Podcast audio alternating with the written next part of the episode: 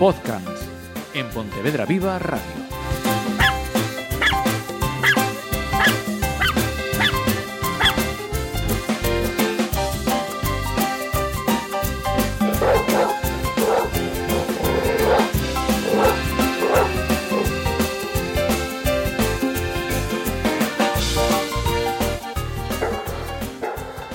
Saludos a todos y a todas las los eh, podcaneros, eh, podcaneras, podcaneres. eh, todos sois bienvenidos. Y el primero de todo y fundamental para sacar adelante este programa, estos podcasts, nuestro educador canino, Diego Álvarez. Muy buenas. Bienvenido. Muchas gracias. Acabar una semana más es un milagro hoy en día. Sí, sí. Y en, y en buenas condiciones. Exactamente. Así que vamos a celebrarlo jugando, ¿no? Exactamente, vamos a hacer algo divertido. A ver si Ajá. sacamos una sonrisa por lo menos. Que, que ya es, y Que es, falta que ya hace. es. Sí, señor. Sí, señor. Básicamente, Cuéntanos. nada, el programa de, creo que ya lo había comentado en el anterior, eh, tanto este como el siguiente programa eh, van a estar eh, destinados a hablar sobre el juego en los, en los perros. Eh, básicamente está basado, ya, ya lo comenté, me parece un espectáculo de libro, en el libro Más que Juegos de Santi Vidal y El Hinojosa.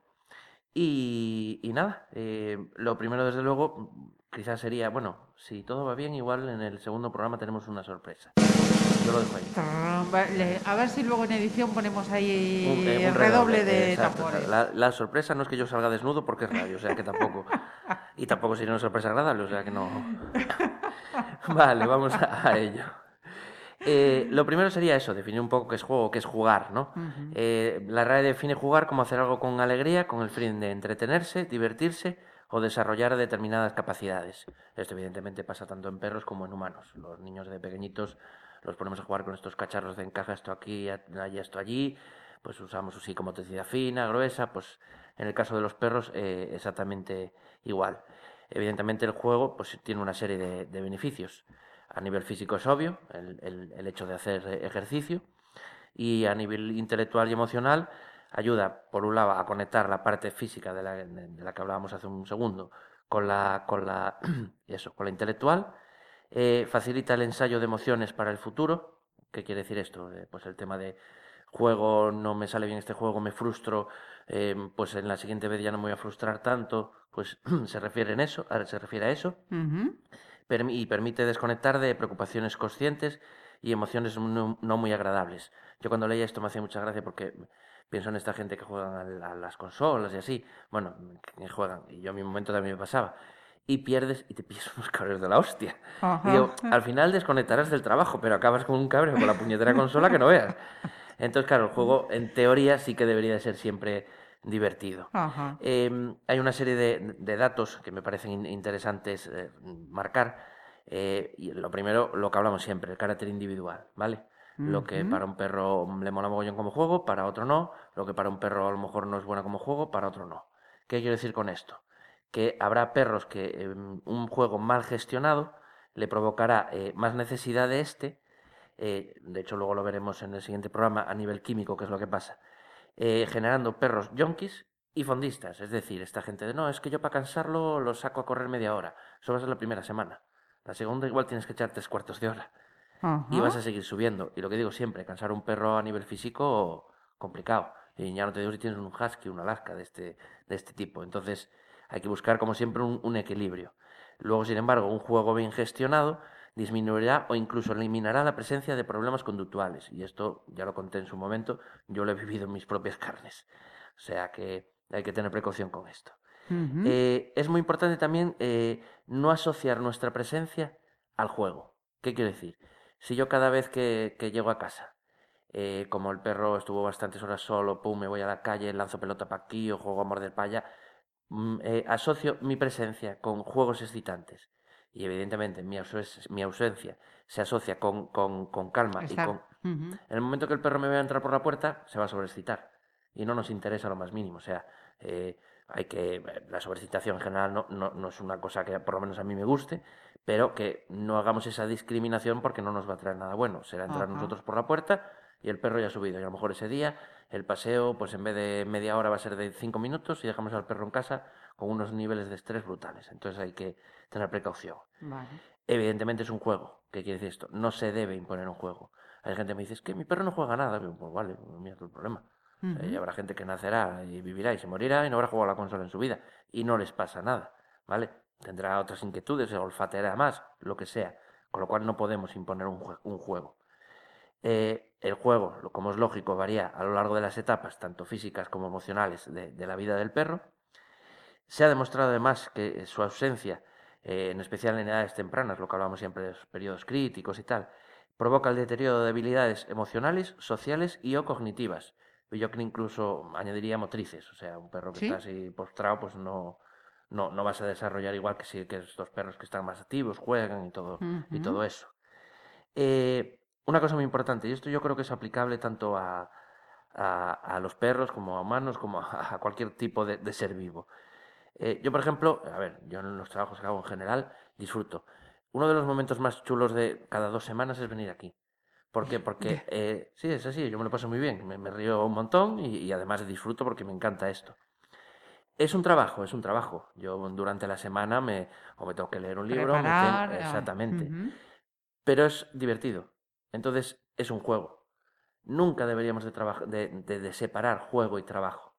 Las veces yo creo que los, que los trabajos salen mejor es cuanto, cuanto más asociado está con, con diversión, pasárselo bien. Y eso no quiere decir que estés eh, en un supermercado y estés con, si trabajas de cajera, con la cajera de al lado, escojonándote de la risa y no siendo profesional. No tiene nada que ver pero sí tiene que ser divertido. Entonces esto es fundamental. Eh, el trabajo y el juego, y en especial en los perros, tiene que ir siempre muy asociado. Desde edades tempranas, lo que comentábamos, ¿eh? Y hasta que el perro tenga, por desgracia, muy mayorcito y se vaya a morir, da igual, si hacemos cosas, sean juegos cognitivos, tiene que ser divertido, si no, carece de sentido.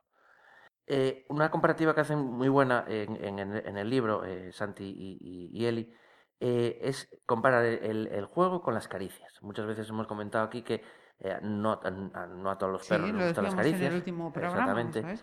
Y a los perros que les gustan las caricias, ¿dónde? ¿Cómo? ¿Cuándo? Eso es muy importante. ¿Vale? Entonces, eh, y, no solo, o sea, por el beneficio mutuo, no solo nuestro, sino también del perro. Es decir, a mi perro le gusta la pelota, se la lanzo, lo que hablamos antes de los perros yonkis. Y, y veo que disfruta, sí, pero le estoy aportando un beneficio o estoy desquiciando a mi perro. ¿Vale? Igual ponemos el mismo ejemplo de lo de la consola. Jugar todos los días a la consola para acabar de mala hostia. Eso hay hasta vídeos en YouTube de gente reventando la, televisión. Por eso no es un juego, eso ha dejado de ser divertido hace rato. Entonces, eh, es eso, hay que, controlar qué juego es bueno para mi perro. Es decir, eh, ¿le haría gracia a mi hijo jugar con un cuchillo lanzándolo por el aire? Sí, ¿le voy a dejar? No.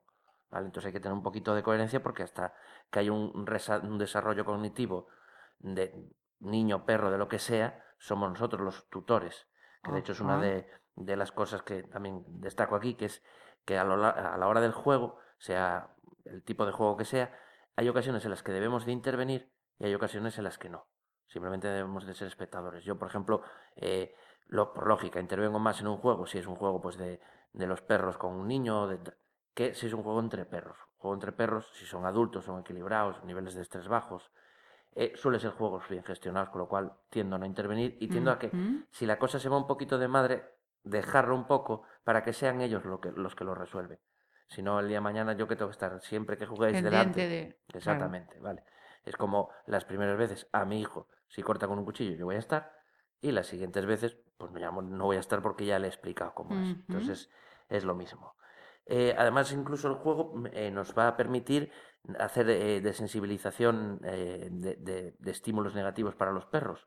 Si presentamos el estímulo a baja intensidad mientras un perro está jugando, pues eso, con una pelota, con otros perros o así. Por ejemplo, Karma, cuando, cuando está jugando con otro perrín, tolera mucho mejor la proximidad de gente que cuando está sin jugar. Entonces es una forma de sensibilizar. Coño, aparece una persona, me da miedo. Ah, pero aparece un perro y juego, pum. Mi concepto ya empieza a cambiar. Exactamente. Entonces es, es, vamos, es buenísimo. Eh, aquí lo hemos hecho más veces, se hace una pequeña comparativa, digamos, entre el juego que sería para un animal salvaje, en el caso los lobos, y los perros.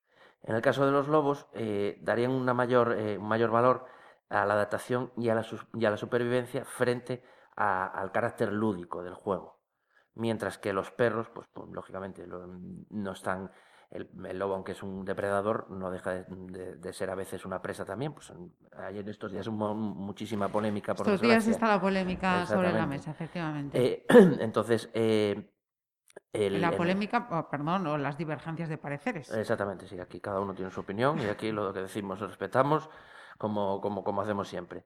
Eh, en el caso, sin embargo, de los perros, al no tener eh, ese, ese carácter de, de, ostras, me puede pasar algo, tienden a, a darle más, más pre- o sea, prevalece más el carácter lúdico frente a la adaptación y supervivencia. Si bien en entornos nuevos tienden primero a hacer una adaptación, a sentirse seguros y a posteriori a, a- iniciar el juego. Exactamente.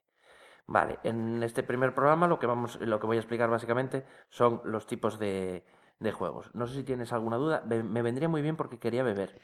Pues mira, sí, aprovecha para beber, eh, porque ahí atrás, eh, cuando estabas eh, hablando, espérate que lo había ah, anotado.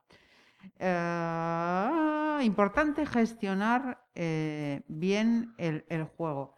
Eh, por esto que nos estabas diciendo, yo creo que más o menos eh, estaba ah, respondida.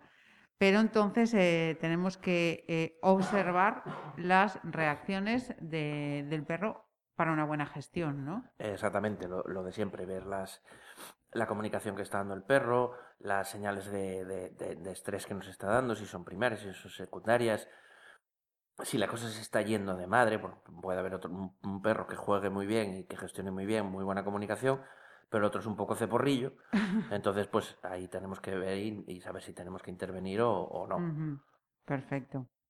Bueno, pues vamos con los tipos de juegos. Vamos Eh, con los tipos de juegos. El primero, el juego social. Es un juego en el que están involucrados dos o más perros. Es probablemente, o, o sin duda, el, el tipo de juego más importante y se da en, en todas las edades, iniciándose eh, en los cachorros en las 3-4 semanas, lógicamente con sus hermanos, incluso con la madre. Eh, es muy importante, aquí tengo puesto, evitar presencia de juguetes. Esto es fundamental. Eh, y lo voy a decir con mal tono, pero es que es verdad. Me aburre, me cansa la gente que va a un parque de perros con su perro a lanzarle la puñetera pelota. O a la Alameda o a donde sea. El perro tiene que interactuar con sus congéneres. A mayores, si metemos un, un- Es como si yo llevo a un parque de bolas que están todos los niños jugando una consola. A ver, hostias. Para jugar a la puñetera consola. Deja la consola en casa. Deja la pelotita en casa. Deja que los perros jueguen entre ellos, que ya lo vais a ver ahora los beneficios del juego social. Y acordaros, hay una cosa que se llama protección de recursos. Hay perros que comparten un juguete 2.15 y no pasa nada. Carmen y Maya lo comparten todo y no tienen problema ninguno. Hubo un, pro- un problema al principio de protección de recursos por parte de, de, de Karma del sofá. Se trabajó y ahora no hay problema ninguno. Pero en el juego, dejar a los perros que jueguen tranquilos. Y no provoquéis peleas. A mayores, lo tengo dicho más veces, ¿qué generamos con lanzamiento de pelota? Caza.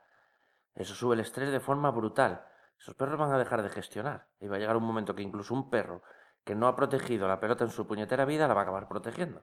Y los tenemos enzarzados. Ay, no vuelvas a traer a tu perro. Ay, no. No, no lleves la pelotita, deja la pelotita en casa. es que no cuesta tanto. Es que es una cosa, yo salgo a veces con, con Karma, ya me encuentro uno allí, boom, lanzando la pelota, y Karma, que no es que tenga mucho instinto de, de, De pereza, sí, ¿no? A pesar de ser un Doberman, no, no lo tiene muy, muy exacerbado, evidentemente porque tampoco se lo hemos potenciado. Eh, pero claro, ver al otro perro corriendo para aquí y para allá, y yo cuando la, la suelto, vuelvo a decir, aunque no debería, luego con una correa larga, en ese momento no llevo correa larga, tengo hombros de milagro. Ajá. Entonces, mm, vamos a dejar la pelotita, o por lo menos si aparece otro perrín, coge la pelotita y guarda. Y guárdala. Coñe. Ujú. Vale, ya está, hecho al alegato. ¿Qué beneficios? Uf, qué bien se Oh, siente. ¿eh? Oh, el próximo día me traigo un Traquimacín. O CBD, que va mucho mejor. Vale. ¿Qué beneficios aporta el juego social? Eh, sin duda el que más aporta, eh, bienestar en general, desarrollo de habilidades desde, el- desde la motriz, eh, conocer y mejorar los límites físicos, auto- autocontrol, comunicativas, sociales, evidentemente lo que decíamos, al, al ser con, con otros individuos de tu, de tu misma especie, es donde mejor vas a practicar. O sea, no va a practicar mejor un perro eh, las señales de calma conmigo que con otro perro. O sea, que es, es así. Va a permitir el moldeado de la personalidad, va a favorecer la afiliación y la integración en un grupo y el desarrollo de la amistad, lo cual favorece dos factores. Por un lado, el desarrollo cognitivo para trabajar en grupo y en la mejora a, a nivel individual, pues eso, eh, ya no solo en relación con el resto de los, de los, de los individuos, sino de uno mismo. Entonces ya veis, o sea, eh, es brutal. Yo lo, lo, he dicho y no me cansaré de decirlo. Eh, ahora yo con Karma, mm, eh, más que mm, pasear y disfrutar, trabajo, porque la propina con el medio que tiene, yo cuando salía con Bella, aquello era el mejor momento del día. Ajá. Y ver que apareció otro perro, la comunicación, si se animaba a Bella a jugar un poquito con la edad que tenía, es donde realmente se aprende. De hecho, mira, aprovecho y lo digo, en el, en el libro, eh, la, la, mujer de Santi, el Hinojosa, mm, remarca siempre observación, observación y observación vais a aprender muchísimo más observando a los perros, independientemente de que para eso estamos aquí, para, para daros una base teórica, que mmm, saliendo y estando con el móvil y, y pasando del perro. Observar a vuestros perros y al resto de los perros y es que lo que vais a aprender y lo que vais a disfrutar. El otro día tuve una clase online, claro, estoy con, con la situación estoy haciéndolas online, Ajá. de, de, estimulación ambiental y pusimos un montón de cosas, olfatombra, cons, eh, eh, juegos cognitivos. Bueno, yo con el móvil enseñando a la gente, les iba explicando. Yo disfruté como un tonto. O sea, eh, dije yo, ¿para qué coño quiero una tele si tengo dos perros? Es que no me hace falta. Sí, sí, Entonces, sí, eso, observar a vuestros perros porque no solo vais a aprender, sino que vais a disfrutar. Uh -huh. Vale, el segundo, el juego físico. Eh, evidentemente su intensidad está muy relacionada tanto con la raza como la morfología y la edad. Juegan mucho más bestias, unos cachorros que unos perros eh, adultos, eh, son mucho más energéticos por lo general los border collie que los mastines y por, por lo mismo eh, un border collie jugará distinto por su morfología física que un mastín que es mucho más grandote y, y, las carreras pues van a ser más trote y cosas así, entonces influye mucho. dentro de este tipo de juegos incluimos eh, juegos a nivel individual, ahora cuento una cosa que todo el mundo cuando lo escuche, todo el mundo, ¿sabes? Porque me escuchan de aquí a Brasil y más para allá. Eh, ¿Lo sabes tú bien? Oh, tenemos una, un, una, audiencia que esto es tremendo. Yo por la calle me los voy apartando. eh, no escupas al cielo, ¿eh? No, no, no escupas cualquier al día cielo. me pasa, sí, sí. Eh, bueno, que conste que el otro día, como dato anecdótico, eh, escribí para la chica de Naturzo, para, para Verónica, por, por, lo, por lo bien que iba Maya y tal. Y una chica que conozco, que es de Vigo, me escribe y me dice, empecé a leer este post, que era de Verónica. Y cuando lo leí dije, ostras, ¿cómo me suena esta forma de...? Porque yo los posts los escribo así en plan cachondeo.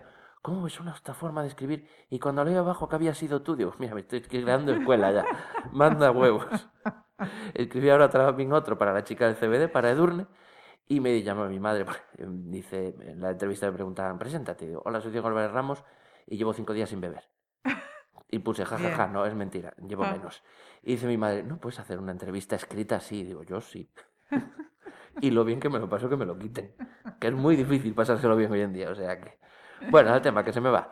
Estábamos, eh, eso, individual. Individual, los juegos de presa y los juegos de propiciación que tenemos hablado aquí en, en qué consiste. Uh -huh. Juego típico individual eh, físico. Eh, estos perros, Karma lo hace mucho en casa, tengo, tengo casa de milagro, que les da un pico y empiezan a correr como posesos, a correr en círculos y están en casa del sofá, en el caso de Karma va del sofá, se salta una mesa, se sube un palé que tengo para que miren por la ventana, vuelve para el otro lado, salta encima de malla. Nosotros no nos movemos por seguridad física y es ese tipo de juego, ¿vale? Eh, el perro está, está investigando sus límites en ese momento, ¿vale? Tiene un, un exceso de energía y está investigando hasta dónde puedo llegar. ¿Puedo saltar esto? ¿Puedo saltar aquello? ¿Vale? Es un, es un juego un poquito descontrolado, pero evidentemente tiene beneficios. Uh -huh. ¿Cuáles? Pues, por ejemplo, el, el, desarrollo psicomotriz. Lo que decía antes, conocer y superar límites del sistema musculoesquelético. Estas dos, tanto el desarrollo, el desarrollo psicomotriz como esta última, aumenta la autoestima del perro. ¿Vale? Un perro que dice, voy a saltar aquí, joder, qué hostia me he dado.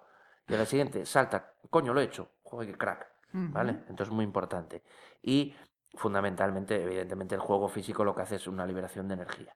¿Vale? Los perros tienen mucha energía en general y hay que quemarla por algún lado. Ajá. El siguiente, el cognitivo, lo que vendría siendo la, la estimulación mental. Eh, este juego es, mm, sin duda alguna, el que de un tiempo a esta parte la gente ha perdido el norte.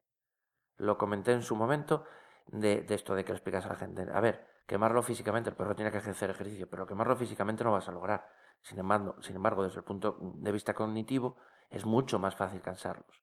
Y la gente se ha vuelto loca. Y coge a su, siempre pongo el mismo ejemplo, Border Collie, y a la mañana le mete Canicross. Al mediodía le mete Clicker, y a la noche le mete Agility. Y está el perro y dice, y no se cansa. Y ahora es que es peor, porque me está mordiendo los muebles. Porque lo tienes desquiciado, colega.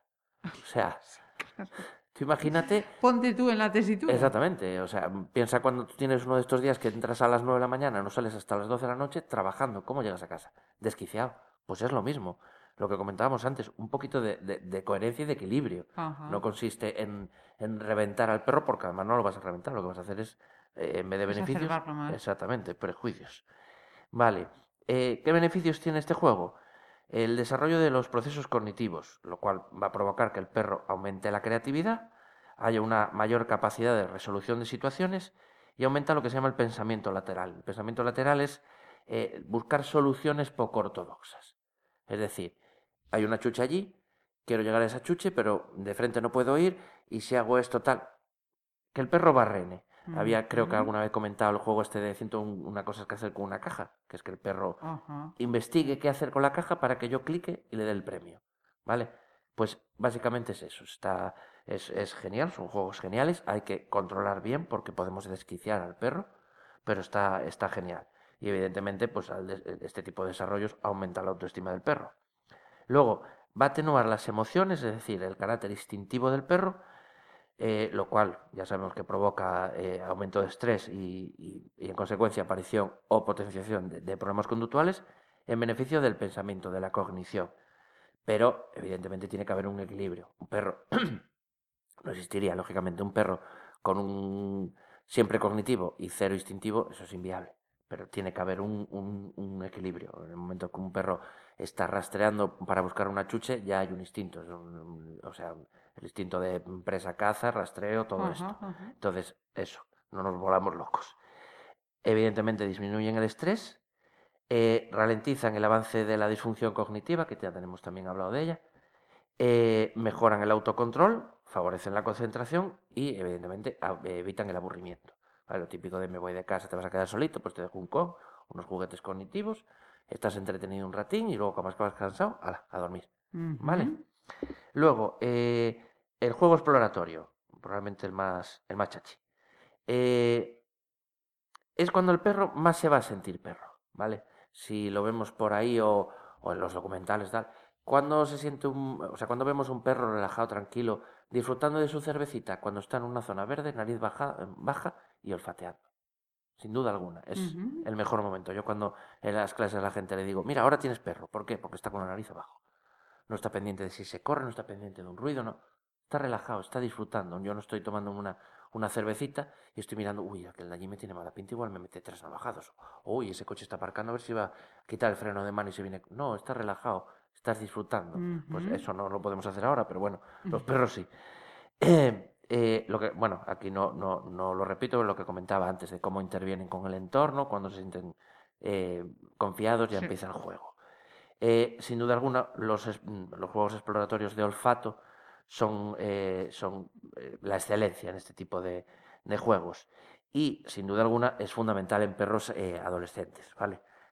Los perros, a medida que evidentemente, igual que nosotros, van creciendo, ya se van calmando, ya van madurando. Y los adolescentes, lo digo por experiencia, con, karma, eh, tienden más a juegos eso, explosivos, juego físico, tal. Entonces debemos intentar meter este tipo de juegos para que estén más relajados y, y favorecer eso, la concentración y, y este tipo de cosas. Beneficios. Por un lado, disminución del estrés, de hecho es de lo que más se tira, lo tengo comentado también, a la hora de, de hacer una reducción de estrés es de lo que más tiras. Evidentemente, quieres reducir el estrés en un perro. Pues imaginaros, vuelvo al mismo ejemplo, pues muy, muy, muy visual porque todo el mundo los conoce. Border Collie, pues no me voy a pasar el día tirando la pelota, quiero reducírselo, no aumentárselo. Y nuevamente eh, aumentan la, la- la confianza del perro. Básicamente estos son los, los tipos de juego que se hace en la clasificación. O sea, que ojo, eh, que no, no digáis que bien habla y, y que bien estructura. Eh, no, no, no, no, esto es un puñetero resumen del libro, ¿eh? no me he roto yo mucho la cabeza, me, me he roto la cabeza en leerlo, pero nada más. Y en explicarlo y en prepararlo para el programa. Mira, em, poniendo una comparación con las personas, ¿no? Vamos a hacer ejercicio físico, ¿no? Y para estar, bueno, pues adecuadamente prepa- preparados o ejercitados, pues decimos, bueno, pues mira, hoy voy a hacer ejercicio cardiovascular, hoy voy a tonificar parte de arriba, hoy voy a tonificar el tren inferior. Em, nos hacemos... Qué de digamos, palabrotas que- acabas de decir en dos minutos, ¿eh? Vamos a hacernos un eh, un- una organización y pues, eh, dedicarle tanto tiempo al día o tantos días a la semana. Con estos tipos de juegos que nos ha señalado, juegos sociales, físicos, cognitivos y exploratorios, eh, ¿nos puedes dar o deberíamos eh, dar una recomendación de, bueno, pues mira, todos los días dedicarle 15 minutos, 20 minutos eh, o eso no tiene nada que ver? Eh, no, en el caso de los perros no, porque yo sí puedo planificar mi vida y lo que, entre comillas, y lo que va a pasar. Ajá. Pero en un perro no puedo planificar, vale, pues eh, ahora en el paseo del mediodía va a haber juego físico. No, porque si no aparece ningún perro, ¿cómo hago un juego físico? Ajá. O un juego físico de eso, de lanzar la pelota que no soy partidario. No. Entonces ahí lo que tenemos es que intentar nosotros buscar el equilibrio. ¿Qué quiero decir? Eh, mm, el, el- el- el juego exploratorio, eh, el fundamental, que es el último que acabamos de Sí. explicar, es el que yo intento tirar más con, con Karma y con Maggi. Pero hubo unos días aquí, bueno, y, y hoy porque luce un poquito el sol, eh, que llovió si Dios tenía agua. Claro. Pues eh, en, esos, en ese caso, pues a lo mejor para compensar esa falta de juego exploratorio, meto un poquito más de juego cognitivo, lo que os comentaba antes de en casa pongo la olfatombra, un juego, un juguete cognitivo con no sé qué. Entonces ahí soy yo el que va jugando con el equilibrio. Si al, mediodía coincidió que estaba con correa larga, apareció un perrín y estuvo corriendo, tal, no sé qué, pues a lo mejor ahí simplemente meto un juego de olfato para reducir el estrés que provoca esas explosiones y lo que busco es básicamente es un poco de equilibrio. Mm. Eh, se nota un montón, eh, por lo menos con, con, con Maggi, con Karma se nota, eh, esos días que llueve tal, uy, pecamos de aquí, voy a meter de aquí. O de repente está haciendo tal, bu- buen tiempo, pero y estamos dando buenos paseos, pero no le coincidió en dos, tres días pegar cuatro carreras con un perrín que hubiese por allí para jugar. Entonces, lo vas notando. Entonces vas buscando suplir una cosa con, con- con la otra, básicamente. En resumen, lo que nos decía antes, gestionar bien el juego. Eh, exactamente, Vale. eh, ni más ni menos. Eh, Y... Por una vez traigo un resumen de lo que voy a hablar en el siguiente programa. Ay, bueno, Esto- esto ya- avánzanos, esto es-. Esto es un lujo. Caramelo para, semana- para dentro de dos semanitas. Eh, sí, probablemente de lo más importante. Primero, problemas con el juego. Segundo, eh, lo que se viene llamando el perro Maradona o el perro Anda. adicto. No, no, lo de Maradona me lo acabo Ah, de vale. El perro adicto. Eh, ¿Cómo y cuándo intervenir en el juego? Que hablábamos antes. Razas y juegos. Eh, el juego en cachorros, el juego en perro senior y juego y aprendizaje. Ajá, Y si todo va bien, sorpresa. Torrón, Volvemos a poner redoble de tambores. Y ahora, como siempre, los, los clásicos. Vamos con los clásicos. Eh, en primer lugar, lo de siempre. Si tenéis cualquier sugerencia, consulta o lo que sea, podéis eh, escribirnos a podcast.gmail.com a la atención de María Antonia. Y, ya- y luego ya lo leo yo. Y luego ya lo lee. Exactamente. Eso, eh. Que la María Antonia no está viniendo a trabajar. Eh, como no, evidentemente, como, como eh, recomendación, el libro el que, del que nos estamos basando, el de Más que Juegos, de Santi Vidal. Y- exacto. Frase, me parece muy buena esta. Es de Albert Einstein.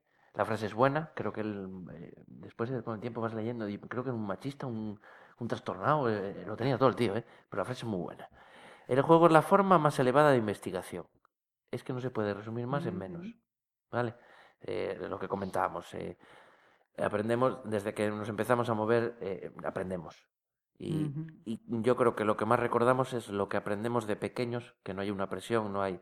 ¿Por qué? Porque se, se aprende Se jugando. a, ajá, Entonces, disfrute, al exacto. Lo que comentábamos muchas veces de lo que me enseñaron en el instituto y el profesor era un capullo, no me acuerdo de nada. De lo que me enseñaron y el profesor molaba, hacía las clases divertidas, me acuerdo de todo. Pues es que es, es así. Nos guste o no nos guste.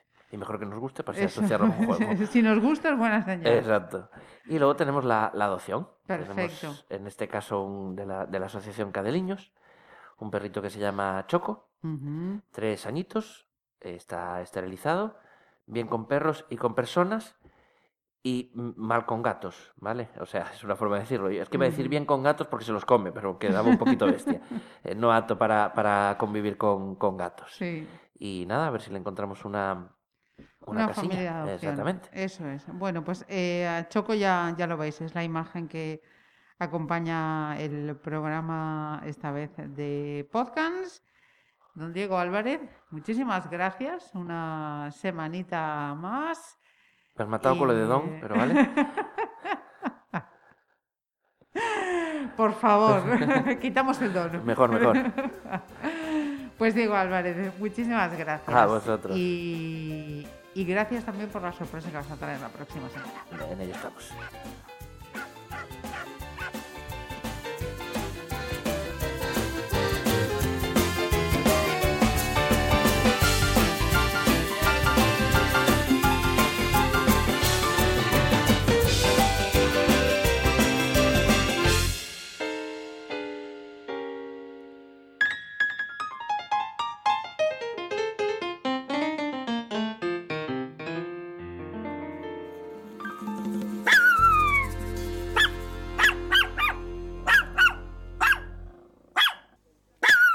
Podcast en Pontevedra Viva Radio.